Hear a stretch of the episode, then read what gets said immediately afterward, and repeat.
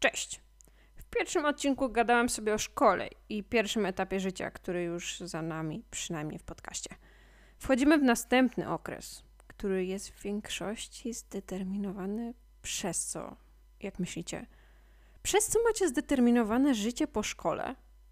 No moim zdaniem, jak się tak dłużej zastanowię, albo i krócej, to to jest praca.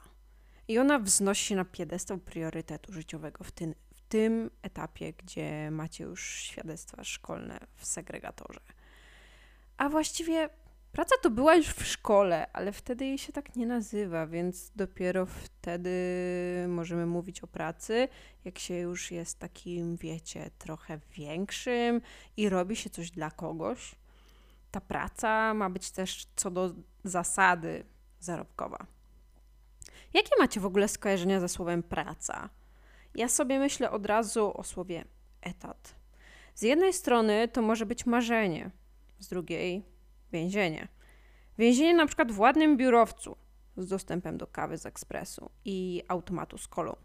Możliwością zamówienia obiadu na wynos, tak żeby broń Boże nie ruszyć się od biurka jak najdłużej. W więzieniu przynajmniej przewidują spacerniak jakoś w trakcie dnia w biurowcach nie bardzo. Nawet nie mamy kontaktu ze światłem dziennym. Czyli ten dzisiejszy model pracy w większości to taki zestaw: krzesło, biurko, komputer, no i bóle kręgosłupa gratis, ale to dopiero po kilku latach. Jak sobie myślę jeszcze o skojarzeniach ze słowem praca, to wydaje mi się, że w dużej większości jest to coś, co trochę każdy musi robić, żeby żyć i mieć się za co utrzymać. Chyba, że ktoś się urodzi na tyle uprzywilejowany, że nie musi pracować. No dobra, ale jak się nie urodził z grubym portfelem od razu, to co dalej? Do czego nas właściwie zmuszają w tej pracy i po co jest to zmuszanie? No po to, żeby móc zarabiać hajs w systemie, w którym żyjemy. Kasa bezwzględnie jest walutą nad walutami. Żeby ją mieć, trzeba robić jakąś wymianę z kimś. Zlecenie, wykonanie i ciach kasa jest na koncie. I to chyba jest jedyna legalna opcja na to, żeby ją mieć. No i dobra, oprócz tego, że pracujemy po to, żeby mieć za co żyć i z czego się utrzymać, no to ewidentnie walczymy o coś jeszcze. O status społeczny. No i im praca bardziej prestiżowa, tym lepiej, bo wszyscy podziwiają i w ogóle super, wow, ty to jesteś. No gratuluję ci. Ty to zdobywałeś, zdobywałaś taką niesamowitą pracę. Jesteś pilotką, pilotem. Latasz samolotem i na pewno dużo zarabiasz. Tak często sobie myślimy i upraszczamy te zarobki, jeśli dotyczą prestiżowych zawodów i zakładamy, że prestiż jest dodatkiem do wysokiej pensji.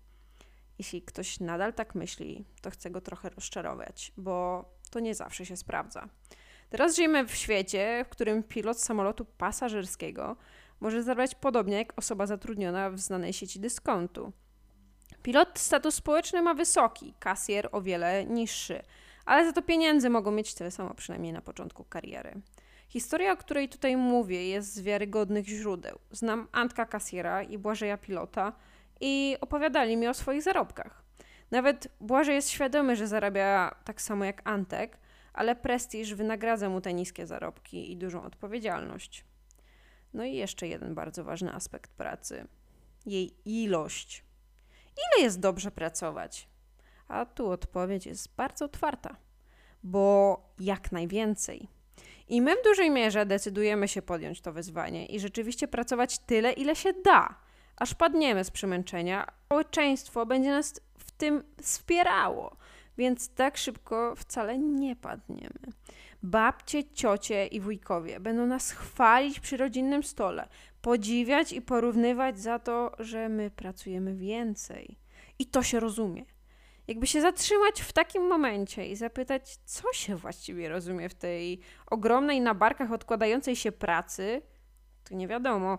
Poza tym, że racjonalnie niemożliwe jest, żeby pracować nieskończenie dużo przez wiele, wiele lat, bo to jest tylko droga do, albo dróżka, do szybkiej diagnozy wypalenia zawodowego albo innych diagnoz. Zastanawiam się jeszcze, czym jesteśmy jako ludzie karmieni, że łatwo się jest nam tak przemęczać i przekraczać w pracy. I mi się wydaje, że to jest ciągłe sprzedawanie wizji lepszego świata, który czeka za rogiem, albo przynajmniej poprawionego standardu życia. mówią nam tym samym, że to, co my mamy teraz, jest niewystarczające. I to ma nas zapędzać do samego rogu ringu bokserskiego życia i my tam walczymy. Ciągle z niego wychodzimy, mimo tego, że już padamy często na twarz, ale się podnosimy, bo jak tę walkę stoczymy, to ma być już lepiej. Wydaje się, że paliwem napędowym systemu, w którym jesteśmy, ma być wciąż to, że jesteśmy niewystarczający i codziennie, bez względu na to, czy wstaniemy prawą czy lewą nogą, jesteśmy niewystarczający. Jak sobie o tym myślę, to jestem przerażona i uważam, że to jest niesprawiedliwe, bo każdy i każda z nas w tym punkcie jest zupełnie wystarczający, wystarczająca bez względu na to, co robi i z czym jest i co po prostu ma. Ale system wciąż dolewa oleju do ognia, żebyśmy się zapracowywali w imię czegoś lepszego. I tak naprawdę to nie wiadomo czego, i nie wiadomo kiedy ma to przyjść. Mi się to bardzo kojarzy ze sposobem komunikacji, jak w niektórych religiach. I to jest taka narracja: teraz to się męcz, ale jak przyjdzie Twój Pan, to tam już Ci będzie dobrze. Nie wiadomo kiedy, nie wiadomo co to znaczy dobrze i czy dobrze dla Ciebie, czy dla kogoś. Dają nam po prostu wizję. No ale dobra. Oprócz tych niejasnych wizji, muszą być też zalety pracy. Są. Ale jakie? Mam dla Was małe podsumowanie zysków. Jak już się uda zarobić tyle, ile potrzeba, to można być niezależnym, niezależną finansowo. I to jest fajne. Żeby się rządzić własnym życiem tak, jak się chce, może na przykład kupować sobie kilogramy cukierków i żywić się tylko nimi, i nikt nam wtedy nie powie, że już więcej nam nie da. Dodatkowo zaletą pracy są weekendy, bo pracy wtedy nie ma. Przynajmniej niektórzy są na tyle uprzywilejowani, żeby jej nie mieć weekendy. Dodatkowo zaletą są bezwzględnie owocowe czwartki. Jak to się ma, można się najeść na tydzień owoców i już ich nie kupować, co brzmi jak duża oszczędność, żeby zbunkrować je na biurku, większą ilość, albo dać rodzinie i żeby oni też mogli się najeść. No i kolejna zaleta, niepodważalna – w biurze, jak pracujesz w biurze, masz dostęp do nielimitowanego i darmowego papieru toaletowego i czasem do kawy, więc można się i napoić, i potem korzystać z toalety do woli. No dobra. Możesz też na przykład pracować w piekarni i może ci tam upadać, ups, przypadkowo pizza i sporządzisz na nią protokół zniszczenia i już jest twoja. I w ten oto sposób możesz jeść pizzy do woli. Kolejną zaletą jest to, że możesz pracując zostać zaproszona, zaproszony na ekskluzywny spektakl świąteczny teatru online zamiast premii świątecznej. Albo jak pracujesz w agencji reklamowej, to możesz mieć darmowego Photoshopa, który jest co miesiąc opłacony i możesz robić sobie na nim co chcesz. Tylko Twoja wyobraźnia Cię powstrzymuje. No i jak ci się uda, to możesz robić to, co lubisz i ci za to płacą. No i dodatkowo masz nielimitowany dostęp do lodówki w biurze, w której zawsze ktoś przyniesie jakieś pyszności, a ty tak hyc, możesz ich spróbować. No i czasami w biurze ma ktoś urodziny i można się załapać na darmowy tort. I to jest trochę jak w kawiarni, tylko że za darmo. Jak widzicie, jest tego sporo. I są to poważne zyski. Ale jak są zyski, to muszą być też straty. Więc teraz pochylę się nad czymś mniej przyjemnym albo przynajmniej wadliwym w systemie pracowniczym. Numer jeden, moim zdaniem, to jest to, że możesz tracić życie na pracę i w ogóle Twoje życie zaczyna być jedynie pracą. A jak ci się zachce kupę w biurze, to nie możesz iść na spokojne posiedzenie na swoim prywatnym kibelku, tylko musisz albo korzystać z publicznego, albo wstrzymywać wypróżnianie, co wiemy jest mocno nierekomendowane przez lekarzy i wpływa na pojawienie się gównianych myśli. Na dodatek jesz często obiady odgrzewane, a nie świeżo prosto z prywatnego garnuszka parujące na talerzu. Jedyne ciepło obiadowe, jakie znasz, to ciepło mikrofalówki. Oczywiście wiadomo, że lepsze to niż żadne, ale jednak odbiega od ideału ciepłego posiłku. Kolejną wadą jest to, że za dużo pracy to już wiem, że niedobrze, e, ale jest jeszcze gorzej. Może być gorzej, jak jest jej za mało, albo jak jej nie ma w ogóle. No to społeczeństwo od razu łatka, że obibok i leń, albo jakiś nieudacznik, nieudaczniczka. No i w pracy wciąż trzeba dostosowywać strój do tego, w jakiej pracy pracujesz, a nie do tego, co masz ochotę ubrać. Jesteś też w wiecznym trybie czuwania. Jesteś jak telefon, który wciąż czeka na kolejne powiadomienie, nawet jak przez chwilę jest cicho, to zaraz ktoś napisze, że trzeba się dzwonić na jakiś koło i zaburzy to twój spokój wewnętrzny. Robisz też w pracy często rzeczy, które wydają się bez sensu.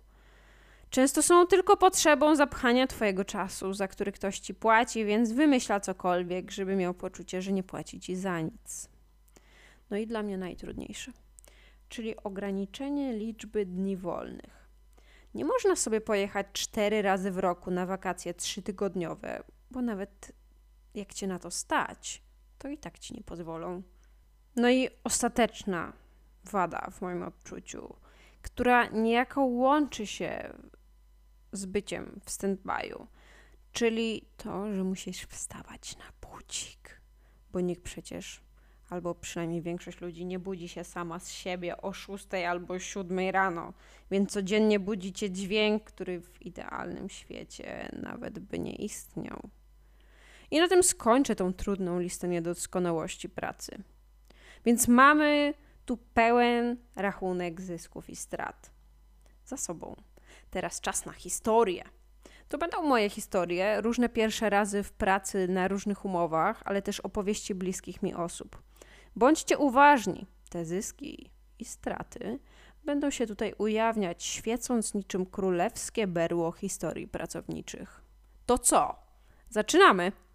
No dobra, to mój pierwszy raz w pracy to był jak miałam jakieś 16 lat i chciałam sobie dorobić na przyjemności. Składałam długopisy i naklejałam jakieś naklejki na produkty promocyjne jakiegoś producenta.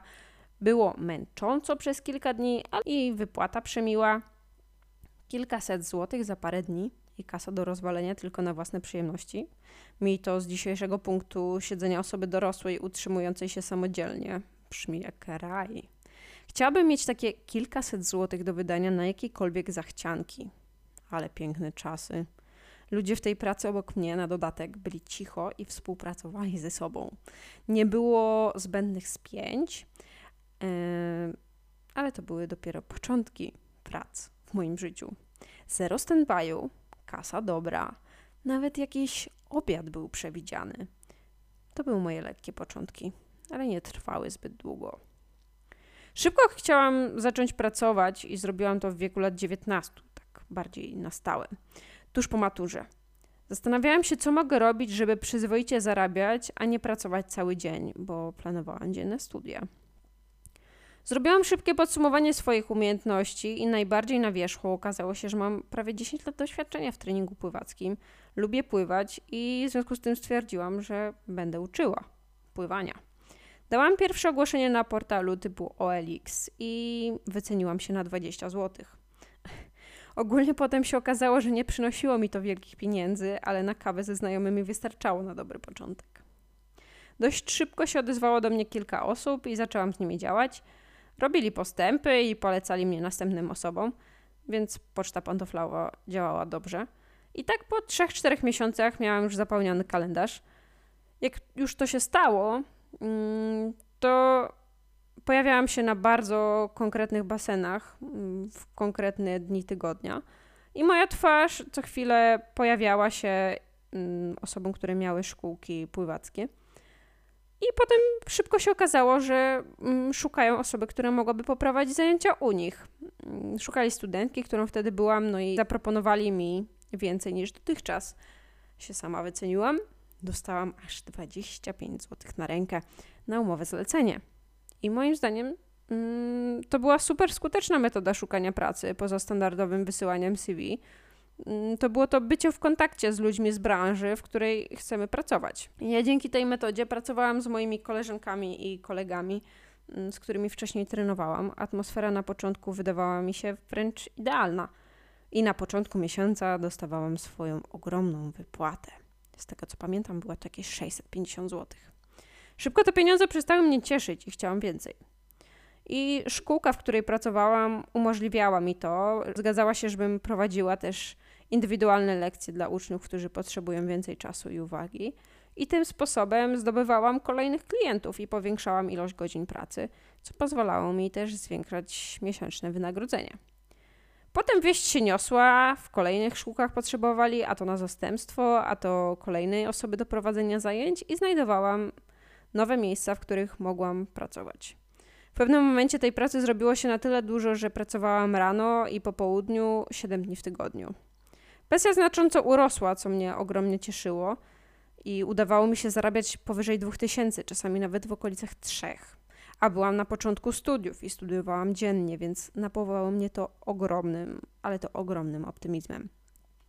Że te zarobki będą mogły rosnąć aż do takich adekwatnych do utrzymania się dla dorosłej i samodzielnej osoby. Oprócz zarobków w tamtym momencie fajne było też, że mogłam sobie sporo popływać w pracy, powygłupiać się z dziećmi, grać w łapki.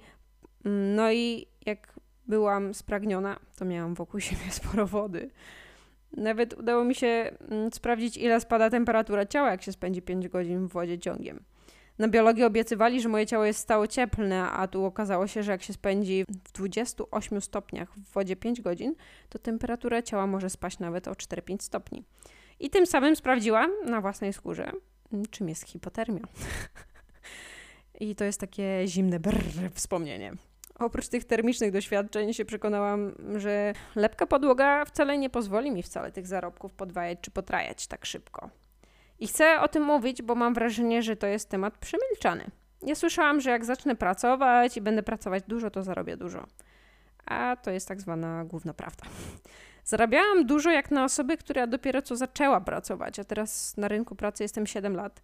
I cały czas ta kwota nie ulega znaczącej zmianie. Nie ma żadnych szczebli kariery, po których mogłabym wchodzić i awansować. Wtedy jeszcze myślałam, że to forma pracy na zleceniu mnie unieszczęśliwia i nie pozwala zarobić wystarczająco dużo pieniędzy. No więc, nie zatrzymując się i nie myśląc długo, otworzyłam działalność gospodarczą, licząc na kapitalistyczny, szybki i bardzo efektowny sukces.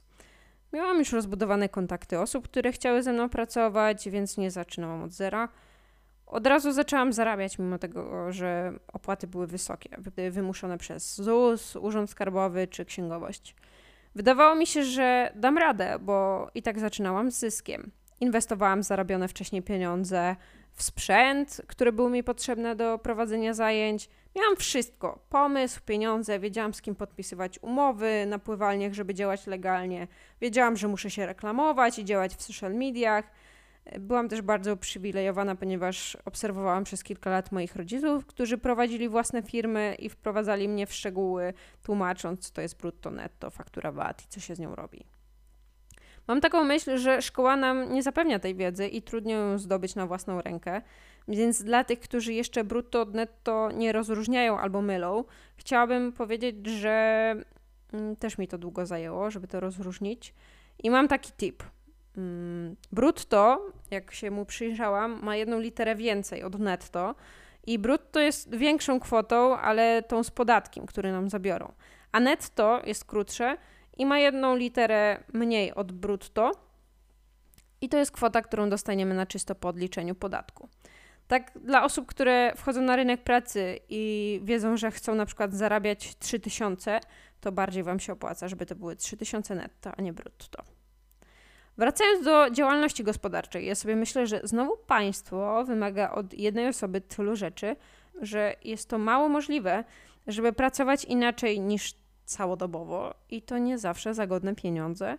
Mówię tu o tym, bo czasami może się komuś wydawać, że działalność gospodarcza to jest taki lek na całe zło i że bardzo warto. Samemu sobie jest się panem i że to wygoda, ale pieniądze są raz większe, raz mniejsze, a czasami nie ma ich w ogóle. Nikt ci wtedy nie pomoże, a ZUS jest do zapłacenia taki sam. Każdy, kto ma działalność, bez względu na to, czy zarobi 100 zł, czy 100 tysięcy złotych, ma do zapłacenia takie same podstawowe opłaty. Taka ciekawostka, jak rozpoczynasz działalność gospodarczą i uda ci się złapać pierwsze zlecenie na 100 złotych, to jak wpiszesz sobie w kalkulator na pracuj.pl i zerkniesz na kolumnę zarobki B2B, to zobaczysz, że po zarobieniu jesteś do tyłu 190 zł, czyli na minusie. A podobno zarobiłeś, zarobiłaś. Tak to jest z działalnością, że trzeba zarobić sporo więcej niż się potrzebuje, żeby móc opłacić wszystkie koszty i jeszcze realnie zarobić. Mam wrażenie, że o tym też się nie mówi i mało kto liczy to z tabelką w ręku albo kalkulatorem, ale wierzcie mi, sporo osób, które zaczynają, wcale nie wiedzą, co ile kosztuje, bo ich chęć i motywacja prowadzenia czegoś swojego jest tak duża, że przysłania im wiedzę o kosztach. Mi się udało prowadzić działalność dwa lata. Prowadziłam ją tak długo, jak byłam w stanie, ale mimo tego, że klientów przybywało i zatrudniłam jedną osobę na umowę zlecenie, to koszty rosły, a moja pensja malała. Doświadczenie prowadzenia działalności było dla mnie bardzo różnorodne. Z jednej strony poczucie ogromnej niezależności, które niesamowicie uruchamiało wyobraźnię i pozwalało mi sądzić, że na przykład będę mogła mm, zrobić franczyzę szkółki pływackiej, a z drugiej strony czułam się dość samotna zawodowo i nie miałam z kim przegadywać swoich pomysłów. Dlatego zaczęłam szukać nowych rozwiązań i okazało się, że jak będę pracowała z moimi klientami pod nowym szyldem, będąc zatrudniona w innej szkółce na umowę zlecenie, nie zmieniając stawek, będę zarabiała więcej i znowu wróciłam na umowę zlecenie. Działalność nie okazała się dla mnie być czymś niesamowitym i rentownym. Wydawało mi się wtedy ogromnym zbawieniem też nie zajmowanie się fakturami, kontaktem z księgowością czy wyjaśnieniami z urzędem skarbowym. Nie musiałam być nagle alfą i omegą, tylko po prostu uczyć pływać, co wydawało mi się dużo łatwiejsze. Dzięki temu znowu wróciła mi duża radość z planowania zajęć i z zabawy nauką po prostu. W nowej firmie okazało się, że jeszcze łatwiej jest mi zdobywać nowych klientów i miałam bardzo szybko maksymalnie wypełniony grafik. Byłam też na piątym roku studiów, więc studia wypełniały mi sporo czasu, a resztę czasu spędzałam w pracy. Udawało mi się wiązać koniec z końcem, choć wymagało to ode mnie dużego wysiłku. Przez chwilę myślałam, że znalazłam swoje miejsce do pracy i że to tylko studia przeszkadzają mi w powiększeniu ilości godzin i zwiększeniu pensji. Wydawało mi się, że jak już nie będę siedziała cały dzień na uczelni, tylko będę mogła ten czas spędzić w moim wypadku na basenie, to uda mi się ten czas zarobkowo wykorzystać. I jak już te studia skończyłam, dosyć szybko się okazało, że ludzie w trakcie dnia wcale nie chcą się uczyć pływać bo robię w tym czasie inne rzeczy i godziny, w których mogłam pracować, wcale się nie zwiększyły, bo to po prostu były tylko godziny popołudniowe. A ja chciałam stanąć na własne nogi. Tak wiecie, po skończeniu studiów, pokazać, że jestem dorosła i nie muszę się prosić nikogo o pieniądze. Po dwóch miesiącach nadziei poczułam frustrację i lęk, że to jednak niemożliwe. I nie czekałam znowu długo i zaczęłam szukać pracy na umowę o pracę, bo to zaczął mi się wydawać święty gral wśród form zatrudnienia. Jako, że mam wykształcenie pedagogiczne i sportowe, szybko wymyśliłam, że mogłabym pracować w szkole, nie zmieniając za bardzo formy pracy, bo nadal ze sportem i nadal z ludźmi. No i piękna sprawa. Pensja płatna do dziesiątego, stałe godziny pracy, no i w ogóle kraina mlekiem i miodem płynąca. Stałam się nauczycielką WF-u. I miałam nadzieję, że to będzie dawało mi stabilność finansową i że będzie źródłem satysfakcji w regularnej pracy z dziećmi i młodzieżą. I znowu miałam zderzenie pomiędzy tym, co myślałam, że się dzieje, a tym, co się działo. W szkole rzeczywiście miałam plan, ale wcale nie był stały. Raz na rano, raz na popołudnie, raz dzieci jechały na wycieczkę, więc miałam cały dzień przestawionych zastępstw, więc to nie było miejsca, w którym poczułam się bezpiecznie. Dodatkowo okazało się, że nauczyciel wcale nie musi mieć ułożonego tak planu i lekcji, żeby mógł przyjść i po prostu wykonać swoją pracę i wyjść. Ale może przyjść, mieć jedną lekcję i potem trzy godziny okienka, a potem kolejne zajęcia przez kilka godzin. Co oznaczało tym samym, że spędzam tam dwa razy więcej czasu niż myślałam, i dodatkowo ten czas, kiedy nie prowadzę zajęć, jest bezpłatny ale nic nie mogę z tym zrobić. Muszę siedzieć w pracy, która nie jest też przygotowana do tego, żebym mogła odpocząć czy zjeść. Muszę koczować. I mam przeczucie, że to nie jest jedyna forma pracy ani miejsce nieprzygotowane do potrzeb pracownika. I to jest dla mnie jakieś ogromnie smutne, bo w dzisiejszych czasach spędzamy w pracy bardzo dużo czasu. I te przestrzenie są absolutnie nieprzygotowane mm, do tego, żebyśmy my tam spędzali ten czas. To jest trochę jakbyśmy mieli być cały czas w trybie czuwania. A ja, znając swoje możliwości y, w tym trybie, to może dwie godziny jestem w stanie, a nie 12, tak jak mi to się wcześniej zdarzało. A wszystko to, żeby jakoś zarobić i jakoś sobie w życiu poradzić. Tylko, że to jakoś, to moim zdaniem nie są zbyt duże wymagania, bo moim celem było opłacić mieszkania na obrzeżach miasta, kupić jedzenie, opłacić rachunki i pewnie z dwa razy w miesiącu wyjść do knajpy ze znajomymi, ale też lepiej tańszej niż droższej. Wracając do umowy o pracę, to uratowała mi tyłek, bo kilka miesięcy po jej rozpoczęciu rozpoczęła się pandemia i baseny pozamykali.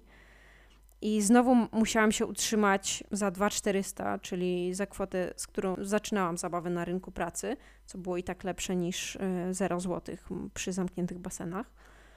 Wiele też tam było frustracji w tej pracy i brak możliwości do zmiany w szkole, powtarzanie rzeczy, które nie mają sensu, ale są długo i wiele pokoleń wstecz tak robiło, więc ja też miałam tak robić. Ta historia też nie trwała zbyt długo, bo dalej poszukiwałam sensu i spotkałam osoby, które też go szukały. Wiecie co? Myślałam, że go znalazły lepiej niż ja. Ta historia to jest kolejna opowieść o jakiejś formie pracy. Ten sens oni znajdowali w byciu na doktoracie, edukowaniu siebie i innych, dążeniu do odkrycia jakiejś prawdy o świecie i ludziach. To brzmi jak znaleziony sens, nie?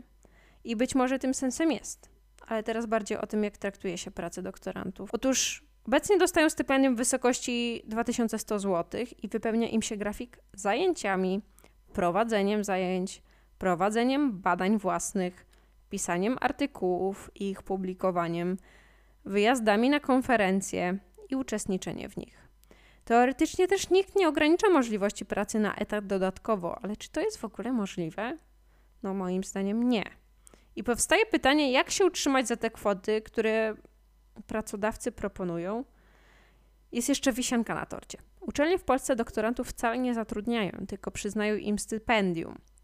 Więc jeśli zachorują, czy to fizycznie, czy psychicznie, i będą potrzebowali przerwy w procesie tej pracy, albo po prostu iść na zwolnienie, to nie mają takiej możliwości. Nie no, w sumie mają, ale wtedy też nie dostają pieniędzy. Mam wrażenie, że te pierwsze razy w pracy, jak była młoda, napawały mnie optymizmem, takim nawet niepoprawnym. Wydawało mi się, że wszystko jest w moich rękach.